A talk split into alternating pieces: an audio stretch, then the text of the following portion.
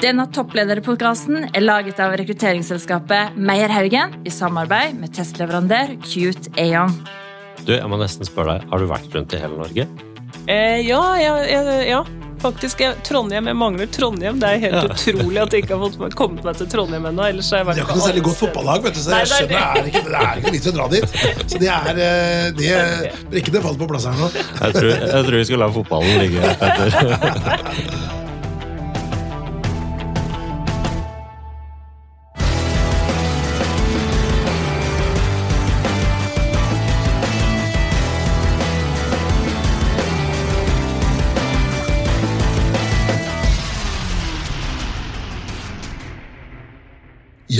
Bjørnar, i dag har vi gledet oss, for vi har en kjempespennende gjest i studio. Men for den som lytter godt i våre podkaster, skjønner at vanligvis pleier jeg å si eh, Sverre. Men i dag er det da Bjørnar Angel, som er min gode kollega, som er i, her i studio. Velkommen til deg også. Jo, takk skal du ha, og hyggelig å få lov til å være et sidekick i topplederpodkasten. Ja, og jeg har gleda meg til det. Men så har jeg også gleda meg til å ha med da Ingvild Kristiansen her i studio. Velkommen til deg. Tusen takk. Og du er administrerende direktør i Stendi. Ja. Men du, eh, kan ikke du fortelle litt eh, mer- om deg og din bakgrunn? Da? For Stendi det er jo da en privat helsetilbyder. Det stemmer. Men din bakgrunn er også veldig spennende. Ja, du, altså jeg er av grunnutdannelse så er jeg sykepleier. Eh, Så har jeg tatt en videreutdannelse innenfor psykiatri. Og i etterkant så har jeg fylt på med en lederutdannelse, master i organisasjon og ledelse, fra NTNU. Det høres jo kjemperelevant ut. Da. Så da har du både den der, hva skal jeg si, vet hvor skoen trykker når du er ute i eh, der hvor du liksom produserer helsetjenester, og så kan du dette med lederskap. Ja. Og, det, som og så må jeg si, det er ikke gitt at man blir toppleder når man starter som sykepleier. Nei, det kan du si. Det kan du si. Så eh, hvis man da skal bli enda bedre kjent med deg, da, så hvis jeg hadde møtt deg i en eller annen sosial sammenheng, og så hadde jeg sagt du, eh, eh, Ingvild, hva mener du om Og så treffer jeg klokkerent på favorittemaet ditt, noe du kan prate om dagen lang på inn- og utpust. Hva skulle det vært? Du, altså, jeg er veldig glad i å gå i fjellet, både vinter- og sommerstid. Og Ja. kanskje mest vinterstid, for jeg går mye randonee. Toppturer. Ja. Så det er jeg veldig glad i. Ja. Liker du best å gå opp eller kjøre ned? Jeg liker faktisk best å gå opp. Ja. Hva er favorittoppen? Gaustatoppen. Gaustatoppen. Og. Telemark. Ja. 1883. ja, jeg tror det. Ja, Ja, Veldig bra. Det er veldig bra. Der har jeg vært. Men det er, ikke så, det er ganske lenge siden, da. Men der kan du også ta heisen opp. Det kan du. Det Ja. kan du. Ja. Er det veldig dårlig vær, så hender det vi har gjort det da, for å få skituren ned. Og på toppen av Gausta, eller på Gaustatoppen, som er ikke langt fra der hvor jeg kommer fra, Notodden, Ja. der kan du se en sjettedel av Norge. Og det er liksom det punktet i Norge du kan se mest av hjemlandet vårt. Det er en nydelig topp. En stor steinreis, da, men uh, sommerstid, men veldig fint. Ikke sant?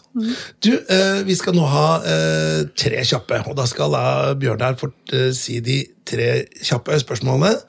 Og så skal du ikke svare på det nå, men du skal pra si hva du mener om det på tampen av sendingen.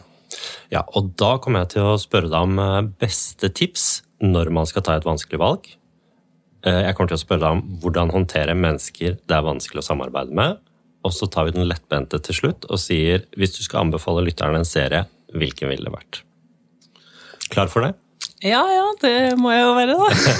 Og jeg gleder meg til svarene dine. Og dere som lytter, kan også tenke på du, hva hadde dere svart hvis dere var i Ingvild sine sko. Ok, nå skal vi prate litt om Stendy Bjørn Bjørnar. Det skal vi gjøre. Eh, Og Ingvild, hva er Stendy sin visjon? Hvor er det dere vil hen? Du, altså, eh, Vi er jo en del av et eh, svensk konsern, så vi har jo et sett med verdier og visjoner og et oppdrag. Og vi skal jo gjøre verden litt bedre ett menneske av gangen. Eh, Når det gjelder Stendig Norge, så tenker jeg at det som er viktig for oss, er jo at vi skal bidra til å profesjonalisere bransjen, som kanskje har fått et litt ufortjent dårlig rykte. Ja. Så det er noe vi er veldig opptatt av, å ha en åpen og profesjonell holdning til alt vi gjør. Mm. Det, det skal jeg spørre litt mer om etterpå. Men først, hvem er det som er kundene til Stendi? Ja, og det er jo sånn at det er jo eh, kommuner og stat i Norge. Eh, Vi har ingen helprivate tilbud innenfor Stendi, men vi tilbyr jo da tjenester innenfor barnevern, psykiatri, eh, atferdsproblematikk, eh, rusomsorg. Eh, BPA, eh, brukerstyrt personlig assistanse, er et tjenestetilbud. Og så har vi såkalte hjemmeteam, eh, hvor vi hjelper familier som enten har døende barn, eller om de har en middelaldrende som har valgt å avslutte livet sitt. Men det er altså kommunene eller staten som kjøper tjenestene våre. Så det er ingen helprivate tjenester. Nei, akkurat. Så, så dere får oppdrag via offentlige anbud? Ja. ja. Det gjør vi. Nettopp. Og vi vet jo alle at eh, det er ganske mange lover og regler å følge når man skal uh, gi et tilbud. Veldig. Ja. Eh, I tillegg så er det jo politikk som utøves gjennom offentlige anbud. Ja. Er det krevende å forholde seg til? Altså, jeg kunne ønske meg at eh, enkelte kommuner ble enda tøffere i, i, kravene sine. For det er jo der vi har muligheten til å vise at vi er profesjonelle, ved faktisk å levere på alle de kravene de setter. Og at også kommunen har, eh, har mulighet til å kontrollere under avtaleperioden. Så det er et veldig regulert område. Eh, og det er vi veldig glad for, og, og syns at kommunene kan absolutt sette strengere krav i anbudene sine. Ja. Du har allerede nevnt litt om det, Ingvild, men, men, disse tjenestene dere leverer, det er tett på mennesker og skjebner? Ja, det er det. Eh, og det er jo helsepersonell som jobber hos oss. Vi er vel rundt 5500-6000 ansatte som jobber i stendig og er på, til disposisjon 24-7. Eh, så at det er eh, ja. Mm. Og tøffe oppdrag? Tøffe oppdrag, det ja. kan det absolutt være. ja. ja. Du, jeg har lyst til å gå litt inn på det, for dere er jo en eh, såkalt privat helsetilbyder. Mm. Og narrativet som ligger der ute, er jo kanskje ofte noe svart-hvitt. Mm. og mange kan være kritiske til at ikke det offentlige selv skal løse Eller skal tilby velferdstjenester i Norge. Mm. Hvis jeg skulle spurt deg, kan du se eh, noe av eh, motpartens synspunkter her? Altså, hva er det som er problematisk med Eh, private helsetilbydere? Ja, altså det, Hvis jeg skal ta det store bildet, da, så er det, er det, jo sånn at uh, i Norge og resten av verden så har man jo ganske store problemer, utfordringer, med å kunne få nok personer til å yte tjenester til uh, den uh, kommende befolkningen og, og aldrende generasjonen. Mm. Og, og, det jeg sånn sett egentlig ikke forstår, er hvorfor man skal utelukke en liten del av den bransjen. Er, som privat helsetilbyder så er man ikke større enn 10% tror jeg. Og da tar jeg med alt. Da er det alt innenfor spesialisthelsetjenesten, altså kommunale tjenester, så er det vel 10% i Norge som ytes av private aktører. Eh, og jeg har litt problemer med å forstå hvorfor man skal utestenge en så liten del av en bransje eh, når man ser og vet at behovet faktisk er der. Mm. Ja. Men eh, noen av disse eksemplene man leser om i media, ja. Er det representativt da for denne bransjen? Nei, altså jeg mener jo ikke det. da, og Det er jo nett, kommer litt tilbake til, igjen til anbudskonkurransene mm. og kommunene og staten sine muligheter til å stille krav til de private leverandørene. Så det som man leser om at vi ikke har gode arbeidsvilkår, eh, ikke tariffavtaler, det, det, stemmer ikke for vår del. Og jeg tenker jo at eh, det er jo sikkert eh, noen organisasjoner eller virksomheter hvor, hvor, det faktisk stemmer.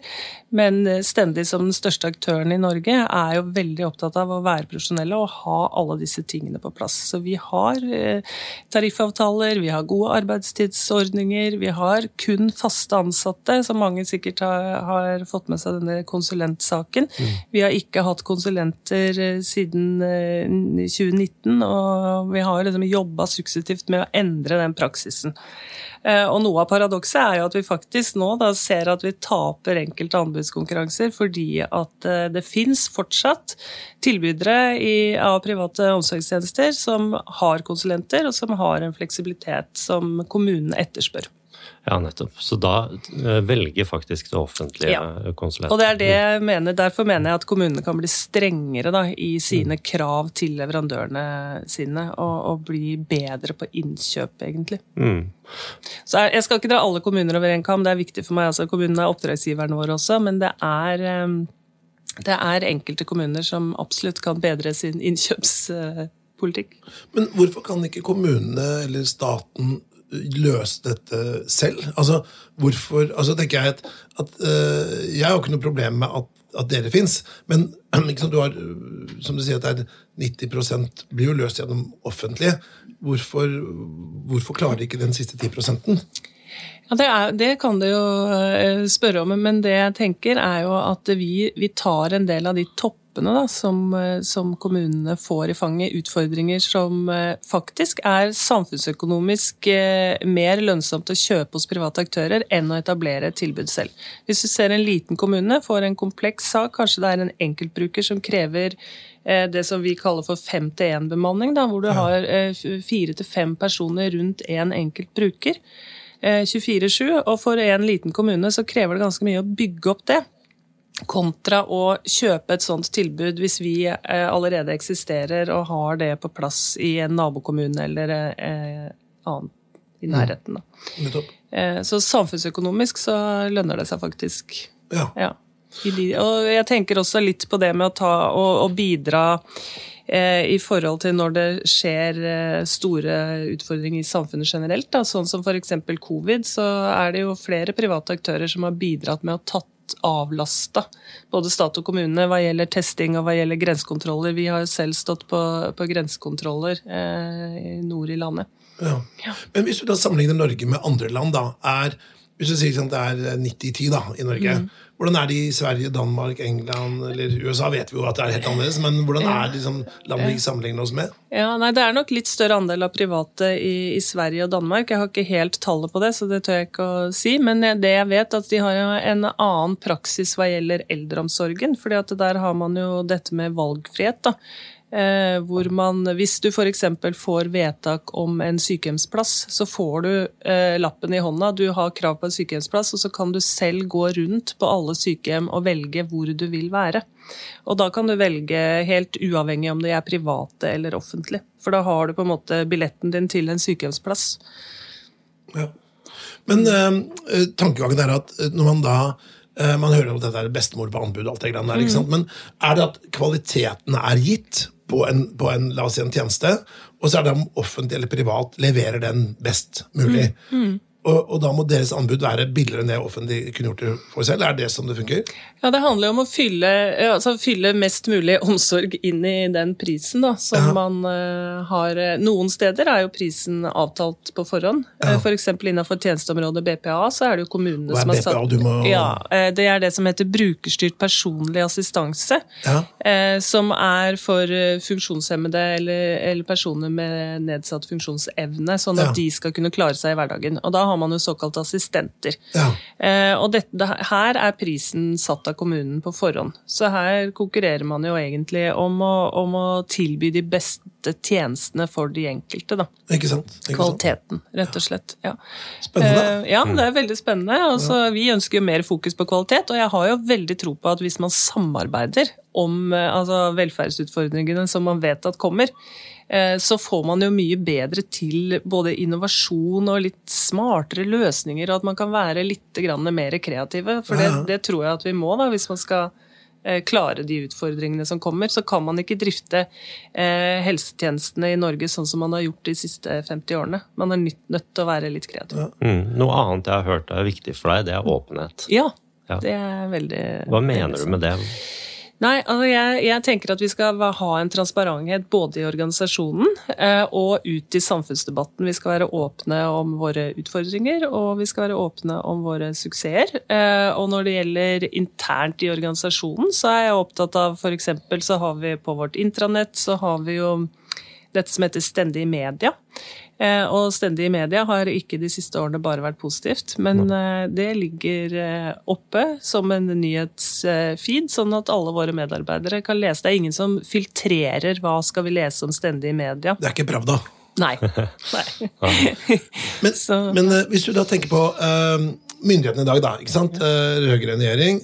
De er ikke positive til det dere driver med. Så hva er det de prøver på nå? Nei, altså De prøver jo å begrense vår eksistens, da, og det ja. syns jeg er veldig uheldig. For nettopp det som jeg har vært inne på, da, så tror jeg jo at samarbeid, og i og med at vi er en så veldig veldig liten del av det totale tilbudet, så skjønner jeg ikke hvorfor man skal bruke så utrolig mye energi på å fjerne oss. Da. Og særlig nå er noe som har kommet opp i det siste, så er det jo eh, blitt beskrevet dette med de store private aktørene. Mm. Eh, de, men det er jo litt misvisende, for det er jo nettopp de store private aktørene som er seriøse. Så har du jo sikkert mange små også som er seriøse, men, men det er jo De har jo ikke de samme kravene, kanskje, til eh, at systemer er på plass, til at man faktisk er en seriøs og profesjonell aktør, da. Mm. Jeg tenkte vi skulle, Dette er jo en topplederpodkast, så tenkte jeg vi skulle prate litt mer om også toppledelse. Du er jo da toppleder, og når, når skjønte du at du kom til å bli toppleder? Nei, altså det kan Jeg har jo vært uh, veldig heldig, fordi at jeg har jobba i samme organisasjon i, i mange år. Og selv om vi har skifta navn og fått nye eiere, så har det vært lagt en plan for meg da, fra min eh, tidligere sjef. Eh, så det har vært ganske sånn uttalt i, i mange år at jeg skulle ta over etter han. Og i en periode da på liksom fire-fem år så har jeg fått lov til å prøve meg i forskjellige områder i organisasjonen. Så du fikk psykisk forberedt deg på at dette Jeg å psykisk forberedt meg. Så det er omtrent som om det er monarki, da. Ja, Når men- den personen går av. Så du, fikk, Ja. du gikk liksom uh, CEO-skolen, da. Ja, jeg gjorde det. Men samtidig så skjedde jo den eh, overgangen veldig brått. Da, fordi at, eller, når vi fikk nye eiere, så er det jo ofte at man vil gjøre noen endringer. Ja. Eh, så det, det kom liksom to år eh, før jeg hadde planlagt det. Ja. Ah, det er også litt som være monark, Ja. så dør kongen, og så Ja. må du dra til. Ja. Men hva er den store forskjellen mellom å være toppleder og mellomleder? Ja, Det er jo kanskje at du blir litt alene, da. Ja. Eh, det, og, og det, I og med at jeg har jobba så lenge i selskapet også, så har jeg jo mange gode kollegaer. Men uh, plutselig så satt jeg litt sånn på oh, Gud, nå kan jeg ikke kanskje spare like mye med, med de som jeg har gjort tidligere. Nei. Kanskje mer liksom overlatt til meg selv i beslutninger. Ja. Uh, som nok var den største overgangen. Ja. Ja. Syns du det er bedre å være toppleder eller mellomleder? Det er lov å si at det er bedre å være toppleder, eller? Ja, ikke sant? Det er lov, det. Ja, det er lov det. Men jeg er, i hvert jeg er gudskjelov skrudd sammen sånn at jeg sover godt om natta, og så tar jeg bekymringene de, Jeg bare håndterer de. Så hvis man hadde vært en veldig bekymrende person, Ja. så tror jeg nok kanskje svaret hadde vært litt annerledes. For at du har jo et ansvar som toppleder som eh, kan være ganske heavy til tider. Men, men da har jeg lyst til å spørre, er det noe du har lært eh, underveis? Altså, det er jo erfaring som kommer med årene, eller har du alltid hatt det sånn? Eh, jeg har nok alltid vært lite bekymra av meg, eller ikke lite bekymra, men jeg er ikke sånn som ligger og grubler. Og det har jeg aldri vært, så det tror jeg har med meg en ballast jeg har med meg fra, fra barndommen, skulle jeg til å si. Eh, og så er jeg jo og, veldig positiv. Jeg har positiv grunnholdning, mm. som jeg tror hjelper meg med å takle en del av de utfordringene man får i fanget da, som toppleder. Og det som du har nevnt, det med åpenhet. Jeg, jeg rakk ikke helt å komme til hvordan jeg utøver min åpenhet i forhold til organisasjonen. For at det er jeg òg veldig opptatt av. De som rapporterer til meg, f.eks. Eh, de vet at jeg er åpen, og jeg tar ting med en gang. Og da pleier jeg alltid å si sånn Ja, du, du vet, jeg er jo opptatt av åpenhet. Nå syns jeg kanskje at eh, den, det du gjorde der, ikke var ja. Ja, nettopp. Så, de kan, også- jeg bruke den åpenheten, for det er noe jeg Ja, alle vet at det er det. Bra. Du har da vært i, da mye i hva skal jeg si, helserelaterte eh, yrker. da. Um, kunne du altså Det er det klassiske spørsmålet om topplederskap. Kan en toppleder være toppleder for hva som helst? Eller er det skomaker blir vi din lest? Kunne du f.eks. vært toppleder for la oss si et, et, eh, en børsnotert virksomhet som ikke drev med helsetjeneste, eller kunne vært sjef for et rekrutteringsselskap, eller kunne vært leder for Nav, eller Hva tenker du rundt det? Ja, jeg må jo tenke at jeg kan det, da. Ja. Ja. selvfølgelig er det jo en fordel å kjenne produktet godt, da, og det gjør jo i og med at eh, altså, jeg har jo hatt en reise i Stendig som er, er ganske unik. Da jeg begynte jo i et bofellesskap, så har jeg jobba som miljøterapeut med brukergruppen vår. Så jeg, jeg vet hvordan det er å jobbe turnus, og, og det er klart at det kan jeg jo bruke veldig nå i min jobb. Eh, Men jeg tror nok jeg skulle klart å være toppleder for et annet produkt òg. Ja. Hva hadde vært drømmejobben din utenom Stendi, da, selvfølgelig? Hvis du skulle på en måte, Nå tenker jeg ikke bedrift, men tenker jeg bransje. Er det en bransje du tenker åh, det har vært spennende siden du det er Norsk Turistforening, siden du har vært på begynt i skog og bark, eller Ja, det var et uh, utfordrende spørsmål. Så det er liksom stendig som er drømmejobben min. Da. Ja. Jeg, jeg brenner for å gjøre den forskjellen, Ja. egentlig. Men, la, la meg ta en tvist på Kunne du vært eh, toppleder for en offentlig helsetilbyder, da? Nei, det tror jeg kanskje jeg hadde slitt med. Ja. Mm. Hvorfor det? Det er, jeg opplever at det er for byråkratisk. Ja, nettopp. Ja. Det er for eh, kronglete å få gjennomført ting. For det er noe som jeg er veldig stolt av at vi får til i Stendig. Det det er kort vei fra idé til handling og praksis. Ja. Um, hva hva syns du er den største utfordringen med det å være toppleder? Bare å tenke, å herregud, det er- Hadde jeg liksom fått vekk det problemet, så hadde det vært uh, ok. Ja, altså, men det er jo ehm, For meg, da, eh, har den overgangen fra å være mellomleder til å være toppleder kanskje handla mye om eh, altså styrerapportering og all- alle de formalitetene. Ja. Eh, som jeg jo ser at er helt nødvendig, men det er ikke det jeg brenner for. Nei, Nei. ikke sant? Hva er det du brenner for? da? Det jeg brenner for å gjøre en forskjell, å få til liksom gode prosjekter så, som jeg ser virkelig har effekt på enten på våre ansatte eller for, på noen av de vi gir tjenester til. Ja. Ja. Er du mye ute i felten, eller? Altså, jeg skulle ønske at jeg var mer. Ja. Jeg har, eh, tenker at jeg må være ute i felten en gang i måneden. Ja. Og så får jeg det ikke alltid til, men eh, Og da er du ute og besøker dine, ja, en av dine 6000 medarbeidere Ja. i en av landets eh, Ja. mange kommuner. Ja, altså nå, nå har det jo vært to år med covid, da, så jeg har jo da begrensa mulighetene til det litt. Og det er stort sett de to åra jeg har vært toppleder. så, men jeg, jeg har hatt en liten roadtrip når det var eh, åpning, og så har jeg nå en, planlagt en etter sommeren igjen, da, hvor jeg besøker tiltak. Ja, Bra. Du, jeg må nesten spørre deg, Har du vært rundt i hele Norge? eh, ja, ja, ja, ja. Faktisk, jeg, Trondheim, jeg mangler Trondheim. Det er helt Ja. utrolig at jeg ikke har fått kommet meg til Trondheim ennå. ellers har jeg De har ikke noe særlig godt fotballag, vet du, så Nei, jeg det er skjønner det er ikke, det er ikke vits å dra dit. Så det er eh, det, Brikkene faller på plass her nå. Jeg tror, jeg tror vi skal la fotballen ligge, etter. Ja, ja. Jeg har, eh, Lagene mine er bestemt av familien, så hvilket lag er det? Vålerenga og Manchester. Ja. Nei, Manchester? United. Ja! To av to! To av to! Vålerenga og Manchester United. Det er helt utrolig. Det er, og jeg skjønte det her er Ja, det puleste pureste kvalitet. Men, Altså. eh, men når vi snakker om sport, dere har nettopp inngått et eh, sponsorat. Det har vi gjort, og det er jeg veldig, veldig stolt av. Og det gleder jeg meg. Vi skal følge Salum, som er eh, svaksynt, og oh, ja. som løper. Han er Norges raskeste mann på 100 meter. Løper på 10,47, tror jeg Yes. rekorden hans er. Mm. Så stendig skal følge han fram mot eh, OL i Paris. Og han løp på Bislett nå Han løp på Bislett Bislett nå, ja. Der Mm. var vi en hel gjeng på tribunen. Og... han er svaksynt. ja, han har 2% syn. Jøss. Så er det jeg spør kanskje er det i Paralympics han skal løpe, da? Mm. Eh, Ja, nettopp. Ja. han- Jeg hadde ikke klart å løpe på ti sekunder, selv om jeg ser Nei, hvert fall 100 altså, det hadde du ikke. Han, han er mer enn dobbelt så rask som oss, la oss Ja. konstatere det. Og raskere enn alle på Vålerenga, tør jeg påstå. Ja, ja, ja. helt Men der hadde en som het Luton Shelton for noen år siden, fra Jamaica. Han var ekstremt rask. Ok, nok om det. Tenkte vi skulle gå rundt på dette med topplederskap, og da er det en test som da, hva skal vi si, som vi bruker rundt dette med toppledelse. da. Um, og da kommer jeg til å um, fortelle noen, uh, eller uh, si noen personlige egenskaper, og så skal du si om det stemmer på deg eller ikke. Er du klar? Mm. Ja. Og bare si ja eller nei, og så utdyper vi etterpå. Ok. Ok. Er du overbevisende? Ja. Er du hensynsfull? Ja. Er du resultatorientert? Ja. Er du besluttsom? Ja. Er du teoretisk? Nei. Er du optimistisk? Ja. Behersket? Ja. Er du entusiastisk? Ja. Bra. Det er jo sånn eh, Du sa nei på teoretisk. Hva legger du teoretisk?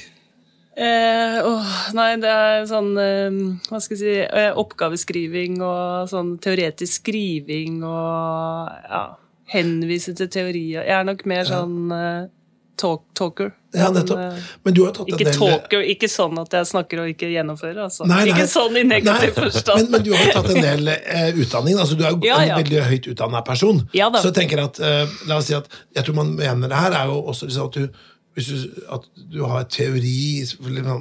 Teori er jo aggregert aggregert erfaring. Ja, ikke sant? Så, altså, hvis jeg skal gjøre analyser og bruke teoretiske Ja, det gjør jeg. Kan du henvise til eksempel en ledelsesfilosofi, eller f.eks. scientific management, eller altså effektivitet, eller altså psykologi, det å bygge tillit, eller Ja, Nei, jeg er ikke noe ja, det, Jeg sier sa nei på teoretisk. Ja, ja, ja. nettopp. Så du er mer sånn pragmatisk. ja, Ja. En annen ting så er dette med resultatfokusert. Ja. Veldig mange av de vi har på topplederpodkasten, de sier at de er resultatorienterte, og det er de selvfølgelig helt. Mm. Ja. Men, men motsatsen til resultatorientert må ikke være at man ikke er opptatt av resultater. Nei. Det kan også være at man er opptatt av prosessen. Ikke Ja. sant? Hvordan vil du reflektere rundt det? Nei, ja, jeg er nok kanskje mer eh, opptatt av prosessen. For at eh, hvis jeg har et eh, mål, så er jeg ikke alltid at jeg går retteste veien til mål. Nei. Fordi at jeg kan gå sikksakk og svinge litt, og så kan jeg gå tilbake. Men jeg kommer alltid til mål. Ja, ikke sant? Eh, du sier også dette med behersket. Eh, er du det i alle sammenhenger? Hvis det virkelig ting går kjempebra eller veldig dårlig, er du sånn bare jeg, jeg, jeg er nok behersket, altså. Eh, De som får det, er kanskje familien min. Da er jeg litt Å, ja. sånn sur på de når jeg kommer hjem. Da kan mannen min si sånn Her, har du en dårlig dag på jobb, eller? Nei da. Nei da. jeg da. Nei, da. Nei, det går fint. ja, og det er sånn der eh, sånn passive aggressive. Ja, altså, Er det, er det lov å skyte inn at dere Ja. to som er Manchester United og Vålerenga-supportere, må også kunne takle motgang? ja. Du, vi er motgangssupportere, ikke medgangssupportere. Er er. I Vålerenga så har det jo ikke vært et uh, gull på 15 år, og i uh, United så har det heller ikke vært noe Ja, skritt av på altså, 10 år. jeg, jeg skal ikke si at jeg er veldig fan, altså, men det er bare de lagene vi heier på, er bestemt av familien. Så jeg kan ikke heie på noe annet, selv om jeg er du verken er interessert i nei, eller fotball. Men det bygger karakter vet du, å holde med et litt sånn dårlig lag. Med litt sånn svunne fortid.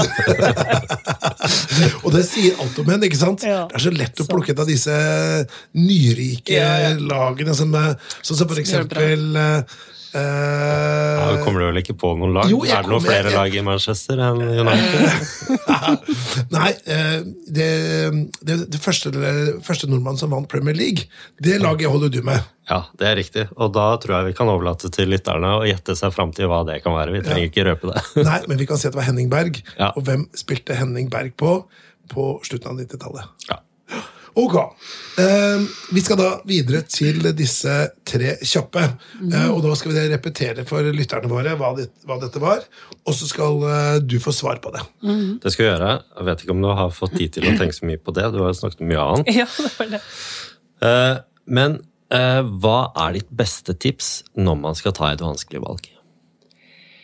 Eh, Det er jo å lytte til magefølelsen din, intuisjonen. Jeg bruker det mye. Så kombinert med fakta, selvfølgelig. Eh, Men å ikke kanskje forhaste seg. For det kan jeg tenke at eh, ofte kan tiden jobbe med deg. Så hvis det ikke brenner at du må ta en beslutning i dag, så kanskje du skal sove på det, og så har man et nytt, friskt hode, og så tar man en bedre beslutning. Høres klokt ut. Ja. Og det er også tillært gjennom erfaring. Du har gjort noen feil valg kanskje før du kom dit. Eh, ja, at noen ganger så har det gått litt fort i, i beslutningene. Og så har jeg tenkt fader, hvorfor bare kjente jeg ikke litt bedre etter og venta litt. Mm. Ja. Kan jeg bare komme skyte inn her da? Det er noen som sa at det, er utrolig mange beslutninger som løser seg ved å, være litt utilgjengelig. Er det en sånn leder som sier? ja? Jeg merker det selv. da. Nå er ikke jeg toppleder på ditt nivå, men jeg leder i hvert fall eh, rekrutteringsselskapet Meierhaugen. og så hvis jeg har jobbet mye der, fått noen telefoner og mailer Ja. på, dag, på dagene og Petter, du må se på et eller annet ting. Ja. Og så har jeg sittet i møter eller intervjuer, Ja, ja. og så på slutten av dagen sier jeg prøvd, ok, hva skal Ja. gjøre nå? Nei, det har løst seg. Det løser seg. Ja. Ok, det. Ja, så Ja, så det har løst seg. Det, var, Ja. det er interessant. Noen har tatt Det er ansvar, interessant. ja. Det skal jeg huske på. Ja, og som ansatt i Meierhaugen så er jeg ganske komfortabel med at ting løser seg på den måten. Delegering. altså. Bare Jo, jo. Gi medarbeiderne er ansvar. det, det er jo sånn det optimum, da, ikke sant? for du kan jo ikke være helt utilgjengelig. For da, jeg sier ikke om drifta hadde gått ned, det hadde definitivt ikke, for det er så mange flinke folk her. Men det er jo sånn, du, du kan ikke være med på enhver ups and downs. Du kan ikke være Nei, med på enhver problemstilling. også, Eller følge en mailtråd gjennom dagen. Det, det kan du ikke være. nei, det er bra. Eh, Neste kjappe spørsmål. Nå ble det jo ikke så veldig kjapt, da. Men eh, vi får ta det likevel. Du, eh, hvordan håndtere mennesker det er vanskelig å samarbeide med? Ja, nei, altså da er jo jeg tilbake til den åpenheten min igjen, da. Eh, Så jeg pleier egentlig å bare være direkte og si noe om at eh, du mm, Kanskje jeg, ja, Da starter jeg alltid. Jeg er opptatt av å være åpen, som du vet. For det vet de aller fleste som kjenner meg. Eh, Og nå syns jeg kanskje vi har litt utfordringer med samarbeidet, så kanskje vi begge skal prøve å legge en ekstra effort i det. Men hvordan, hvordan reagerer man da? Hvordan, Nei, det er jo litt forskjellig, Ja. egentlig. Så noen sier bare ja, ja, det, det får vi til, og ja. Og Ja. andre kanskje blir litt fornærma, eller de fleste sier jo at det skal vi gjøre. Ja. Eh, og så går de kanskje hjem og sier noe annet til ektefellen. men Nei, men jeg, jeg tror jo at jeg også ved å ha den åpenheten, og kanskje den positive grunnholdningen min, så er jo det litt avvæp avvæpnende for eh, personer som kanskje kan være litt utfordrende. Da. Mm. Så ja. Du, eh, Avslutningsvis skal vi ta det litt mer lettbeint. Ja. Nå kan jo du som lytter høre på denne podkasten når som helst, men eh, for vår del så skal vi snart inn i sommeren. Mm. Og det kan jo hende det kommer en regnværsdag, og da vil jeg gjerne ha din anbefaling på en serie det går an å se. ja, nå har jeg nettopp sett den Borgen. Ja, eh, På Netflix. Dansk. Den danske serien, ja. Ja. Jeg er glad i litt sånn type miksserier. Politikk, krim eh, Ja, det syns jeg er ålreit. Borgen er en god Borgen anbefaling. er en god anbefaling. Ja. Og så har jeg Billy the Kid på min egen liste for sommeren. Akkurat. Hvor er det vi finner den? Husker Mm. Det tror jeg også er Netflix. Ja, Ja. Bra. Da har vi en til. Og du da, Bjørnar, har du noen eh, tips? på tampen? Nei, jeg fikk akkurat ett. Billy the Kid. ja. Ja. Ser du, du ser ikke så mye på serier? Jo da, jeg ser på serier. Nå er det, jeg har vært litt seint ute med å se på Ted Lasso, så jeg har kost meg veldig med det. Apropos fotball. Ja, ja, definitivt. Eh, Jeg og kona vi har akkurat sett ferdig siste sesong og siste episode av Peaky Blinders. Oh, ja. Sesongen kommer jo nå, men jeg må si at de første fire sesongene var kjempebra. De to siste sesongene der oh, ja. ble det litt for uh, space out, syns jeg. Så uh, det var en sånn serie som har tapt seg litt, grann, for å være bånn ærlig. Ja, ja. Det er jo mye spennende Ja, der ja. ute nå, da. Så er um, det er Serien har blitt den nye boka, altså. Eller i Ja, hvert fall den nye filmen. det. Ja, det har det. Men jeg gleder meg til å lese litt bøker i sommer, da. Det er bra. Har du en bokanbefaling, da? Å nei, det kom brått på. Jeg skal gå i bokhandelen i kveld. Ja. Ja, da Bra. skal jeg gå, Det er det beste jeg vet før sommeren. Gå i bokhandel. Og da kan jeg bruke mange timer og bare lese, titte. Ja. ja. Men det høres ut som en god anbefaling i seg selv. Og så må jeg gi litt skryt da, til deg, Petter. For du, eh, du er jo normalt sett i studio sammen med Sverre Haugen i Topplederpodkasten, og du har ikke sagt feil navn en eneste gang. Nei, det, det skulle bare ta er klart, Man kan jo navn på kollegaene sine. Ikke sant, Øystein? Hvem har du som gjest, da? Men du, jeg tenker vi skulle gå inn på landing nå, men det var så interessant å prate med deg. Og det må jeg bare si, eh, Ingvild, at, at eh, det er jo en eh, Du har valgt en ganske røff eh, stilling. Mm. For de fleste bedrifter har jo utfordringer nok med å, i sånn markedssituasjonen. Her har du i tillegg hva skal jeg si, et, en, en del av det politiske systemet som Ja. Dagens regjering som prøver å motarbeide deg. Ja. Og det i seg selv er tøft, så det på en måte skal du ha kudos for. for. Uansett hva man mener om, om bransjen. Men jeg ønsker i hvert fall en riktig god sommer. Så spennende å prate med deg. Og lykke til videre. Og så syns jeg, eh, Bjørnar, synes du klarte deg veldig bra jeg, som eh, stand-in i Topplederpodkast. Takk skal du ha. Og jeg lover å ikke gjøre mer narr av Vålerenga United. Det var litt Ja, du, det er for lett å gjøre eh, narr av de to laga. Men du, eh, som sagt, god sommer og lykke til videre. Tusen takk, og takk for meg. Har du innspill eller kommentarer til denne podkasten, kan du sende en e-post til toppleder at meierhaugen.no.